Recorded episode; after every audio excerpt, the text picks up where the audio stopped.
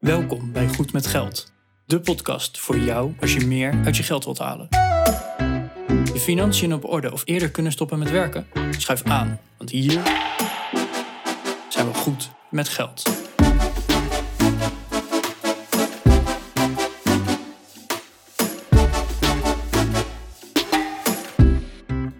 Aflevering 118 van de Goed met Geld podcast. Ik ben Bas. En ik ben Arjan. En deze week gaan wij het hebben over eh, die andere inflatie. Want er wordt heel veel geld bijgedrukt op het moment. En, en vorig jaar, hè, we, we zitten in het voorjaar van 2021 inmiddels. Vorig jaar hebben we de coronacrisis gehad. En misschien zitten we nog steeds wel een beetje in het staartje van die coronacrisis. Um, en, en naast dat corona een, uh, een gevaar voor de gezondheid is, leidde het ook tot een economische crisis. Want door de verschillende lockdowns moesten we bedrijven dicht doen. Raakten mensen hun, hun baan kwijt. Gingen ondernemers uh, misschien wel failliet. Gelukkig minder dan we verwacht hadden. Maar ja, er zijn best wel sectoren waar het slecht gaat.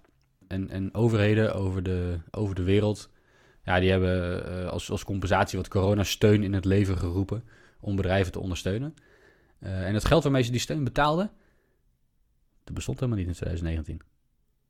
Dus Arjan, waar komt dat geld vandaan? Ja, goede vraag. Dat, ik ik denk dat we gewoon eens moeten beginnen met een hele dikke disclaimer dat wij geen economen zijn en geen financieel geleerden. Dat klopt. Ja, check. en bij de voorbespreking hiervan, Bas, we zijn nu al een goed half uur bezig. En er kwamen eigenlijk alleen maar meer vraagtekens bij. En daarom willen wij wel deze aflevering opnemen van, ja, aan de ene kant, wij, wij zien iets gebeuren, maar we snappen het niet helemaal. Maar we willen in ieder geval wel eens die, die vraagtekens naar boven gooien van, hey, ja, hoe dan? En ja, dus ben jij financieel expert, econoom of noem maar op, en je denkt, hey, die Bas en Arjen die slaan de plank volledig mis.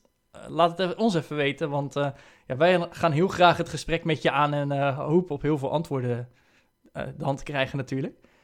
Maar ik denk dat dat even belangrijk is. Maar ja, Bas, jij, jij, gaf al als voorbeeld, die Amerikanen, de, de, Amerikaanse bevolking kreeg als corona-steunpakket een 1 trillion dollars, zoals ze dat zo mooi kunnen zeggen. het triljoen, dat kennen wij in Nederland niet. dat gaat dan uiteindelijk om 1000 miljard. En dat werd verdeeld over alle Amerikaanse inwoners. En ik geloof dat ze per inwoner kregen ze 1400 dollar of zo. op het moment dat je minder dan 75.000 dollar per jaar verdient. Ja, er zijn meerdere van dat soort steunpakketten geweest. Maar ik, ik geloof inderdaad dat de meest recente was, was iets, iets in die orde. Ja, dus er werd in één keer wat geld gedropt op mensen. De, de helikopterstrategie of zo, uh, vind ik wel een leuke term. Ja, de, de, de helikoptergeld is dat inderdaad. En uh, ja, ja. ja, de gedachte daarachter is van... hé, hey, mensen ja, die, die hebben niet zoveel te besteden. Maar het is wel belangrijk dat er geld uitgegeven blijft worden.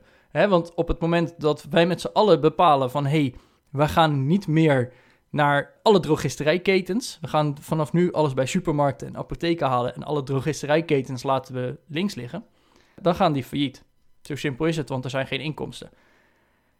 Nou, nu bepalen ze dat niet zomaar. Nee, de, de, de portemonnee is gewoon leeg. Dus er wordt ook geen geld meer geïnvesteerd. Er wordt niks meer gekocht en noem maar op. Hè. hooguit een beetje brood, maar ja, die televisie doet het nog. Dus laten we dat gewoon maar even voor wat het is. En de gedachte achter dat helikoptergeld is dus dat je zegt van... hé, hey, hier, hier heb je geld, ga er wat leuks mee doen. ja, daar komt het eigenlijk op neer. Hè? Of, of koop er eten van, dat is op zich al leuk hè, dat je eten ja. hebt. Ja, precies. Ik kan me voorstellen als je in, uh, in een industrie. En kijk, in Amerika zijn dingen misschien uh, op heel veel vlakken wat slechter geregeld dan bij ons in Nederland. Als je je baan kwijtraakt, ben je hem ook kwijt. Het is vrij gemakkelijk om je baan kwijt te raken. En ik kan me voorstellen als je bij een, uh, bij een bedrijf werkt voor een minimumloon. Dat dicht moet door, door de lockdown. Dat je ineens op straat komt te staan. Dan heb je geen inkomen, geen sociaal vangnet. Wellicht ook geen, geen financiële middelen, geen buffers. Dus dit geld is er dan ook echt wel voor bedoeld om, uh, om je huur te kunnen betalen, om boodschappen te kunnen doen, om voor je kinderen te kunnen zorgen. En ja, de, waar het om gaat is dat we de economie draaiende houden. Dat mensen niet hoeven om te komen van de honger, dat ze niet hun huis uitgezet worden enzovoort. Wist je trouwens dat ze in Amerika niet per maand, maar per twee weken betaald krijgen? Ja, ik, ik heb dat gehoord, ja, dat heel veel bedrijven dat doen. Ik weet niet, is dat overal zo? Of? Nou, volgens mij is dat wel een beetje een, een standaard ding. Nou, dan wordt er wel... een- Ik Hmm. riep dan altijd van, ja, volgens mij kunnen ze gewoon niet een hele maand overzien. Dus, eh, dat is heel flauw, maar... Ja, dat, en, maar op het moment dat je dus je baan kwijtraakt, dan heb je niet nog een laatste maandbetaling. Nee, dan heb je nog een tweeweeksbetaling. Weet je? En dat zijn dus allemaal van die dingen. Ja, dat stopt dan opeens. En dan heb je echt wel een, een groot probleem. Wat je dan ziet is dat, eh, dus dat, dat helikoptergeld, dat wordt, eh, dat wordt gedropt op mensen. En, en een deel van de bevolking zal het inderdaad gebruiken om, eh, om voor het gezin te zorgen. Dus de boodschappen te doen, de huur te betalen enzovoort. Maar ja, er zijn ook best wel wat mensen die thuis zitten met een, met een aardig inkomen. Die niet zo heel veel te doen hebben. Het salaris wordt gewoon doorbetaald, het gaat goed met het bedrijf. Ze kunnen thuis Maar ja, ze kunnen niet op vakantie en niet naar de horeca en niet eh, allerlei andere dingen doen. Hè, geen, eh, geen uitjes doen. Dus houden ineens een hoop geld over. En dan wordt er nog in één keer die coronasteun eh, op je bankrekening bijgestort.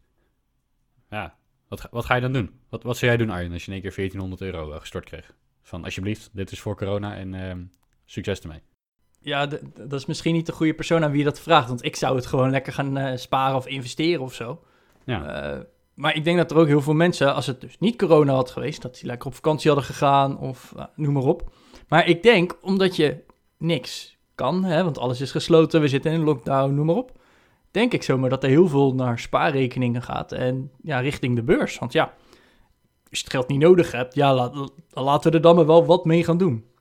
ja dit is natuurlijk even een, eh, een opmaat richting het verhaal van de andere inflatie. En eh, met mijn economie van de koude grond kijk ik naar, ja, naar de beurzen, naar de inflatie. En dan denk ik van, hoe, hoe is het mogelijk? Hè? Er wordt eh, heel, veel, heel veel geld bijgedrukt. Er wordt zelfs, nou, wat las ik laatst? In 2020 wordt 20% geld, werd er 20% van al het geld dat in omloop was, werd, werd in 2020 gecreëerd. Dat is, dat is gigantisch. En dan vraag ik me af, hoe kan het dan zijn dat de inflatie achterblijft? En even voor, voor je beeldvorming, de inflatie is natuurlijk de, het getal dat aangeeft hoeveel goederen en diensten duurder worden elk jaar. Dus eh, als we zeggen de inflatie was in, in Nederland 1,3% vorig jaar. Eh, dat betekent dan dat het, eh, het CBS, het eh, Centraal Bureau voor de Statistiek, die hebben dan uitgerekend dat eh, voor een eh, gemiddeld bestedingspatroon, voor een bepaald boodschappenmandje waar eh, wat voedingsmiddelen in zitten en er zit wat energie in, en nou, een gemiddeld bestedingspatroon is 1,3% duurder geworden. Want misschien is de benzine 2% duurder geworden en is de huur 2 keer- 2,5% duurder geworden en is brood eh, goedkoper geworden. En gemiddeld hebben we een inflatie dan van 1,3%. In Amerika is die inflatie eh, ietsje hoger dan bij ons, maar ook niet gigantisch. Hè, daar hebben we een inflatie over tussen de 2 en de 3%, meen ik. Ja, als er nou 20% geld wordt bijgedrukt, dan is er in één keer 20% meer geld in omloop. Waar, waar blijft dat als goederen en diensten niet duurder worden? Want als dat geld in omloop komt en het wordt uitgegeven, ja, dan, dan is de, nou, voor zover ik verstand heb van economie, en ik heb dat niet, ik heb geen economie gestudeerd, maar ja, ik, ik denk toch dat ik een klein beetje verstand heb van economie. Ehm, je zou verwachten dat als dat geld in omloop komt, dat prijzen duurder worden. Want op basis van vraag en aanbod worden, worden prijzen vastgesteld uiteindelijk. Er is veel meer vraag, want mensen hebben meer geld te besteden. Dus dan zou je verwachten dat, eh, dat prijzen van goederen en diensten omhoog gaan, dat de inflatie hoger wordt. Maar ja, we hebben geen inflatie van 20% gezien, dus waar blijft al dat geld? Ja, en dan, dan ga je dus bedenken van oké, het, het gaat dus niet, het wordt in ieder geval niet eerlijk verdeeld. Want als het eerlijk verdeeld wordt, dat geld, dan zou iedereen meer te besteden hebben, is er overal meer vraag, dus zou alles net iets duurder worden. Ik las trouwens eh, dat er in, in, eh, sinds maart 2020, dus sinds het coronajaar, eh, dat er elke 18 uur een miljardair bij is gekomen. Waar? Ja, op, de, wereld. Op de wereld, of... Op de wereld, ja. Via, volgens eh, Forbes was dat. Ik geloof dat Ja. er v- 500 miljardairs bij zijn gekomen. Zo. In een jaar tijd. Dus we zitten nu op... eh, En dan gemeten in dollars, denk ik, of niet? eh, ja, volgens Ja, mij ja. wel. Ja. Eh, maar goed, ik, ik geloof dat er dus Bizar. 20, 25 procent meer miljardairs zijn dan een jaar eerder. Ja. Hoe, kan- hoe kan dat, hè? Nou, misschien is dat wel een van de redenen dat, hè, dat, dat de inflatie niet zodanig omhoog gaat. Maar dat hè, omdat het geld allemaal naar één punt stroomt. Als één iemand heel veel geld daardoor erbij krijgt, ja, dan heeft de rest allemaal nog precies hetzelfde te besteden. Dus dan gaan de prijzen niet omhoog, want de vraag gaat ook niet omhoog. Nou, dat is wel een, een geinige manier om er naar te kijken. Nou, dat is, dat, dat is misschien wel een dingetje. Ik, ik zat zelf te denken aan... eh, We, zien dat, dat vastgoed heel duur wordt. Hè? Dat, dat zie je in Nederland. Eh, We hebben een enorme huizencrisis. Eh, huizenprijzen reizen de pan uit. Het is niet te doen voor een starter om een, om een woning te kopen in elk geval. Dus als je, als je al een huis hebt met veel overwaarde... is het wat makkelijker om een heel duur huis te kopen. Maar als je nu moet beginnen, dan nou, succes. Rentes zijn laag. Op spaargeld krijgen we geen rente meer. Hypotheekrentes zijn... Nou, je kunt al een, een 10 jaar hypotheek krijgen voor minder dan 1% geloof ik. Op veel obligaties worden negatieve rentes betaald. Hè. Op, staatsobligaties van Nederland bijvoorbeeld. Hè. De, de Nederlandse staat krijgt geld toe voor het lenen van geld. Ja. Ehm, eh, eh, grote bedrijven kunnen lenen tegen 0%.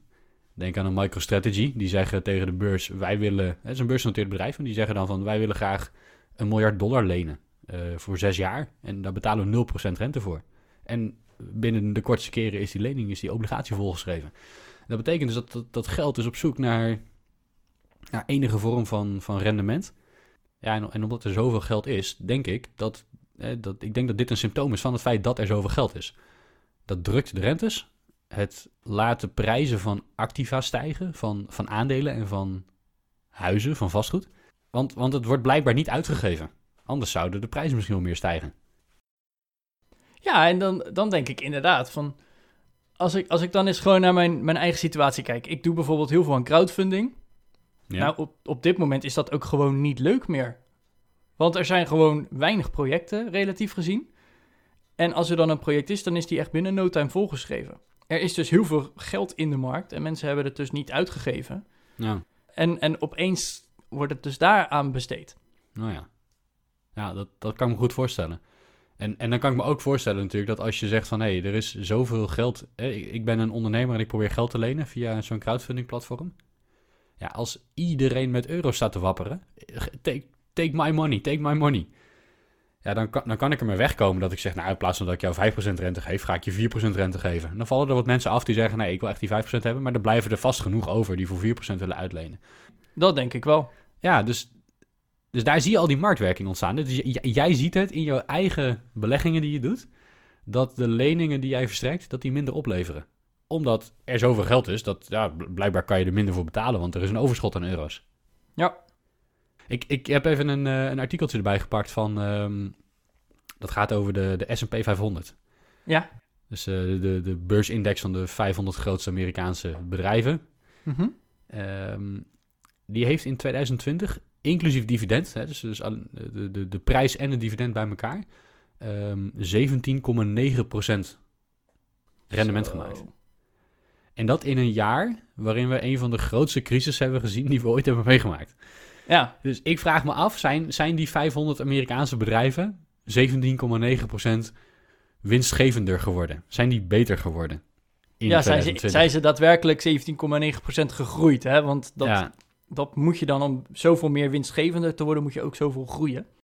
ja, ik denk dat dat niet zo is. Nee. He- Heel eerlijk, ik, ik denk het ook niet.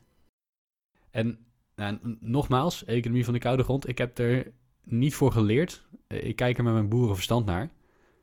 Ik zie, een, eh, ik, ik zie dat er 20% geld wordt bijgedrukt. Ehm, dat de inflatie eh 2, 2,5% is. En dat de aandelenmarkt bijna 18% rendement maakt. Zou, zou, zou het zo simpel zijn? Zou dat het rekensommetje gewoon zijn? 20% geld komt erbij, een deel zorgt voor hogere prijzen. En de rest gaat gewoon in, in, in assets zitten, in aandelen en vastgoed en obligaties. Zou, zou dat het zijn? Nou, dat zou, ja, Ik, ik weet het niet. Misschien. Ik, ik, ja, ik kijk er misschien te simpel naar, maar dit is al... Ik, ik- voor, voor mij, eh, it, it makes sense to me, you know? Het, het, het, het, het grootste vraagteken wat zo boven ons hoofd hangt, dus eigenlijk, is waar is dat geld gebleven? Is dat dan inderdaad in aandelen komen zitten? Hè? Want de aandelenmarkten die, die schieten alleen maar omhoog. Dus we zitten elke dag weer op een, eh, een, een all-time high, zo ongeveer. Ja. Er zijn heel veel miljardairs bijgekomen. Dat is ook nog een, eh, een, een dingetje natuurlijk. Hè? Al het geld dat gaat naar één punt. Ja, dan kan de rest wel heel leuk zeggen van... hé, hey, ik, ik wil meer te besteden hebben en ik wil meer kunnen besteden. Maar ja, als alle, alles waar ze het gaan besteden... maar eigendom is van slechts een, een handjevol mensen... dan komt dat geld uiteindelijk ook weer bij hun terecht. Dus Ja, en dat, en dat is ook wat je ziet, hè? Dat, dat hele vermogende mensen en, en families, eh, personen en families, eh, die, die zijn heel vermogend. Vaak omdat ze bedrijven en vastgoed bezitten. Als je gewoon kijkt naar, naar, naar wat voor type bezittingen hebben mensen in verschillende vermogenscategorieën, dan zie je dat, ja, dat, dat echt de, de, de rijkste 1% of de rijkste 10% personen op deze wereld, die bezitten heel veel bedrijven en vastgoed. Ja, en als we met z'n allen maar de, de, de waarde van aandelen blijven, eh, blijven opblazen, met, met gratis geld als het ware, ja, dan is het natuurlijk logisch dat er heel veel miljardairs bij komen. Want als jij 900 miljoen had vorig jaar en je maakt 18% rendement op je aandelen, hey, dan ben je miljardair opeens. Snap je? Ja, het is niet zo heel moeilijk eh, wat dat betreft. Het is vrij logisch natuurlijk dat, dat die groep... Ik, ik, ik ben ook rijker geworden vorig jaar. G- Gelukkig ging mijn inkomen goed, maar ook het rendement op mijn vermogen heeft ertoe bijgedragen dat, dat mijn vermogen gegroeid is. Hè? Dus ik heb, er, ik heb geld in mijn vermogen erbij gestopt vanuit mijn inkomen, vanuit wat ik kan sparen elke maand. Maar de groei was hoger dan alleen je inleg. Ja, ja, precies. Ik, ja, absoluut. Want ik heb rendement, mijn aandelenfondsen hebben rendement gemaakt. Dus ja, dus, de, ja, dus, dus ook ik ben rijk, ik ben geen miljardair. Zeker nog, ik ben ook geen miljonair. Maar ik kan me zo voorstellen dat wat ik op kleine schaal meemaak, en wat Arjen, wat jij op kleine schaal meemaakt, en wat heel veel van onze luisteraars op kleine schaal meemaken, ja, dat, dat gebeurt ook op grote schaal. Dus als je zegt van ja, er zijn zoveel miljardairs bijgekomen, ja, ik vind dat eigenlijk niet zo gek. Want als je al 900 miljonair was, ja, hey, dan... Doe ons effect maar eens keer duizend. Hè? Ons vermogen keer duizend en onze, in- eh, onze vermogensgroei keer duizend. Ja, dan is het Ja. niet zo moeilijk. Nou, dan gaat Dat, het eh, redelijk rap. Ja. Keer duizend, hé, jongen, jongen. ja, maar stel dat ze al duizend keer zoveel hadden. Hè? Dus gewoon Ja. onze situatie Ah, keer duizend. Ja, dat... eh, ik, ik, ik vind het een, een... En misschien is dat ook wel heel die, die lockdown en coronasituatie. Hè? Dat het eigenlijk gewoon ja, te, te gek voor woorden is. Je kan je geld niet uitgeven aan vakanties of noem maar op. Ja, dan ga je opeens eh, verbouwen in je huis.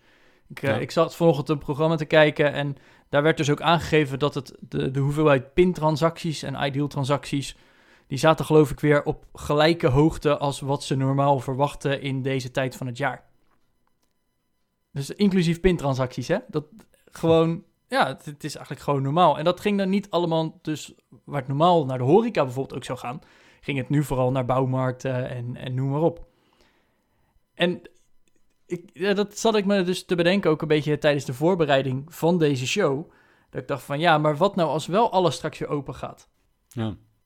Wat, wat gebeurt er dan met de inflatie? Want is er dan nog net zoveel vraag om bijvoorbeeld naar de horeca te gaan? Of zegt iedereen van ja, maar ja, we zijn nu aan het sparen voor een huis. Daar gaan we nog even mee door. Dus we gaan minder geld uitgeven in de horeca. En hè, we gaan toch sparen voor dat huis. We gaan verhuizen straks. Ja, dan eh, krijg je dan misschien wel deflatie in de horeca, omdat er minder vraag naar is. Dat, dat zou kunnen. Ik, ik, denk, ik denk niet dat dat gaat gebeuren. Dus als ik even naar mezelf kijk, ik, ik zou graag weer naar een restaurant willen of naar een terrasje hier in de stad. Of, en en, en als, Ja, ik een, als ik een kroegeigenaar was en ik had een terras, dan zou ik ook, eh, ik, ik zou die biertjes ook allemaal 10% duurder maken. Wat, Ja, maakt- nee, wat maakt het uit? Mensen komen, toch, mensen komen toch wel en je hebt, je hebt best wel wat in te halen. Wees eerlijk, die gasten zijn lang dicht geweest. Maar het Ja. kan ook de andere kant op werken. Hè? Van, ik, ik zeg nu van, we gaan allemaal voor dat nieuwe huis. Mhm. Maar wat als nu de helft van de nu huizenzoekers zegt van ja, ja, het allemaal wel leuk, maar ik kan nu mijn geld weer uitgeven. Ik ga toch gewoon op vakantie. Ik ga toch gewoon naar de horeca. Ik ga toch nou, gewoon lekker shoppen en geld uitgeven zoals ik dat anders ook deed. En die gaat dus niet meer op zoek naar huizen. Mhm. Dus er is opeens minder vraag naar huis, omdat er minder mensen aan het zoeken zijn. Dus ik denk ook dat die, die corona-maatregelen best wel een verstoring geven op bepaalde vlakken rondom die inflatie. Ja. Ik vind het een, een hele moeilijke situatie. En ja, wij, wij zaten dus in de voorbereiding dus ook een beetje te kijken van... ja, waar, waar willen we nou heen met deze aflevering? Want dit zijn gewoon vraagtekens die, ja, die, die komen bij ons op. Hè? We vinden het leuk om over zulke gekke dingen na te denken. Maar dan moet, ja, we willen wel iets meegeven in zo'n podcast. Want waar doe je dan goed aan? Hè? Want de, de, de, de inflatie op zich, ik, ik geloof dat die nog steeds onder de 2% zit... of, of misschien richting de 2% gaat. Ja, 1,3 in Nederland vorig jaar. Dat is de, gem- de gemiddelde inflatie, de, de consumentenprijsindex is dat geloof Ja. ik. Ja, en daar, daar hebben we het al eerder over gehad. Hè, dat de, de, het inflatiecijfer van het CBS, dat wordt gebaseerd op, ik geloof, 13 of 16 verschillende punten. Waaronder een boodschappenmandje met een aantal boodschappen, maar ook de huizenprijzen, de energieprijzen, de olieprijzen, eh, de prijs van diensten en services, eh, je internet, nou, noem maar op. Mhm. Dat wordt allemaal meegenomen en een gemiddelde van getrokken. Betekent ook niet meteen dat alles meteen ook voor jou zoveel duurder is geworden. Hè, zowel Bas en ik eh, rijden allebei een elektrische auto. Ja, het is heel leuk dat de benzineprijs dan omhoog gaat, maar er gaat echt geen benzine in die auto van ons. Dus dat voelen wij niet zozeer. Heel flauw gezegd. Nee, en als, je, eh, als tabak duurder wordt, maar je rookt niet, dan heb je daar ook geen last van. Maar als, weet ik veel, als, als de boodschappen die jij doet veel goedkoper worden door een prijzenoorlog in de supermarkt, ja, dan, dan is jouw inflatie misschien wel weer lager dan, dan iemand anders een inflatie. Ja. Dus, dus ja, hou er rekening mee dat als je dit soort cijfers ziet in, de, eh, in het nieuws, dat het altijd gemiddeldes zijn. Ik kijk er ook altijd naar vanuit het idee van, ja, oké, het is blijkbaar een soort trend die er is. Hè? Dat betekent niet dat mijn uitgaven 1,3% hoger zijn. Dat, nee, dat, dat, dat is niet wat het getal betekent. Maar ja, maar, maar, maar, maar, ja, kijk wel naar die trends. Dat, dat is denk ik iets wat ik wil meegeven. En, en wat misschien een goede is, is dat je naar de inflatie gaat kijken. Als, als we het hebben over de inflatie in het nieuws. Dat dat dan echt de, de prijsstijging van goederen en diensten is. Maar dat je weet dat er nog een andere inflatie is. Dat het een inflatie, de, de asset inflation is, die, die bestaat. Geld dat gemaakt wordt, dat verdwijnt op dit moment, denk ik, in aandelen, vastgoed, uh, in, in de geldmarkt, obligaties, uh, leningen enzovoort. En, en wat ik misschien wel meegeef, is dat als je niet meedoet in de markt, als je op een hele grote bult aan euro's op je bankrekening zit, dan, ja, dan, dan doe je daar dus niet aan mee. Dan, dan heb je geen profijt bij die inflatie. En dat hoeft helemaal niet erg te zijn, hè, want je moet ook een buffer hebben. Misschien ben je aan het sparen voor dat huis en dan, dan wil je dat geld beschikbaar hebben. Maar als je bang bent dat, uh, dat aandelen bijvoorbeeld heel duur zijn, ja, ik, ik, ik ben daar ook bang voor dat ze heel duur zijn en dat er een keer een crash komt. Maar, maar toch beleg ik. En dat is niet een advies dat, dat jij moet beleggen, dat je mijn idee moet volgen. Het, het is iets wat ik doe. Maar, maar toch beleg ik. Want als die inflatie er is, en het is een gegeven dat er heel veel geld wordt bijgedrukt, en dat dat nou, zeer waarschijnlijk op die kapitaalmarkt verdwijnt, dan, dan wil ik daaraan meedoen. Ik wil daar profijt van hebben. Want als de, als de aandelen 18% meer waard worden en inflatie is 2%, en dan ga ik er dus op, qua koopkracht ga ik er dan dus op vooruit. Dat als ik het op de bank zou laten staan, dan zou ik erop achteruit gaan. En misschien wel negatieve rente moeten betalen op een gegeven moment. En dat is dus misschien wel goed om even bewust van te zijn. Ja, want hè, stel je, je kocht een, uh, nou, iets van 100 euro. En uh, weet ik veel. Wat kost 100, een goed paar schoenen van 100 euro? In, in maart 2020. Nou, en in dat jaar, een, een jaar later dan ga je kijken van oké, okay, stel ik had die, datzelfde paar schoenen wil ik nu weer kopen. Dan, nou, na, met, laten we de 2% inflatie pakken, moeten we dus nu 102 euro voor hetzelfde paar schoenen betalen. Mm Maar al had ik die 100 euro toen in de S&P 500 gestopt en neem ik dat nu een jaar later op, heb ik 117,90 euro. Want we hadden 17,9% rendement. Ja. Nou, dan kan ik dus met 117,90 euro koop ik een paar schoenen van 102 euro. En heb ik nog steeds 15,90 euro over. Ja, dat, dat, die inflatie is zo anders. En, en uh, nogmaals, dit, dit, is geen financieel advies, maar dit is gewoon wat wij als, als nou, uh, simpele, simpele zielen eigenlijk wat we zien gebeuren. Mm En ja, moet je dan meedoen? Ja, als je het geld over hebt, misschien wel. Als je, als je denkt van, nou, dat, dat lijkt me wat. Als je zegt van ja, maar dit, dit, die buffer heb ik gewoon nodig. Ja, zeker niet aan die eerste buffer gaan komen natuurlijk. Nee. Maar ja, daarom vonden wij deze aflevering zo... Ja, belangrijk wil ik niet zeggen, maar wel heel grappig om op te nemen. Dat we zeggen van ja, maar die, die inflatie in Nederland is 1,3%. Terwijl op de beurs is alles wel zoveel meer het waard geworden. Terwijl het is echt niet allemaal zoveel groter geworden hoor. Dat, dat, dat kan gewoon niet. En hè, is dat geld dus in de beurs komen zitten? Is dat bij alle rijken terechtgekomen die toch al veel te veel vermogen hadden? We weten het niet. Waar is dat, is dat geld nou daadwerkelijk gebleven? En wat gebeurt er dus met al het geld wat elke keer weer bijgedrukt wordt? Ja, geen idee. Als jij het wel weet, laat het ons dan weten. Dat kan je doen door een berichtje achter te laten op, de, uh, op onze website, op de show notes. Die vind je op uh, www.goedmetgeldpodcast.nl slash 118. Dus hebben wij iets gemist? Wil je wat aanvullen? Wil je een correctie plaatsen? Want nogmaals, we zijn, uh, we zijn geen uh, experts. We zijn onze verwondering aan het delen hier. ja, laat het ons weten en eh, help ons Nederland eh, goed met geld te maken. Ja, en stuur je ons een mailtje via het, eh, ons eh, contactformulier. Dan, dan willen wij ook gerust een, een deel daarvan opnemen in die show notes. Dat doen we met, eh, met regelmaat. Dat iemand gewoon even feedback stuurt van... hey, dit klopt niet, of dit zou ik nog even aanvullen... of heb je hier al aan gedacht? Dus die show notes gebruiken wij ook daadwerkelijk... om zulke dingen even daarbij te, te zetten. En ik denk dat deze aflevering... of ik hoop in ieder geval dat deze aflevering... daar echt wel een uitnodiging voor is van... hey, heb je hier nou verstand van? Laat het ons weten. En dan zetten we het er gewoon bij. Want ja, eh, wij verwonderen hier, ons hierover. En ja, wij willen wel juiste informatie delen. Dus eh, ja, laat het ons weten als jij de juiste informatie hebt. En dat gezegd hebbende, tot volgende week. Tot volgende week.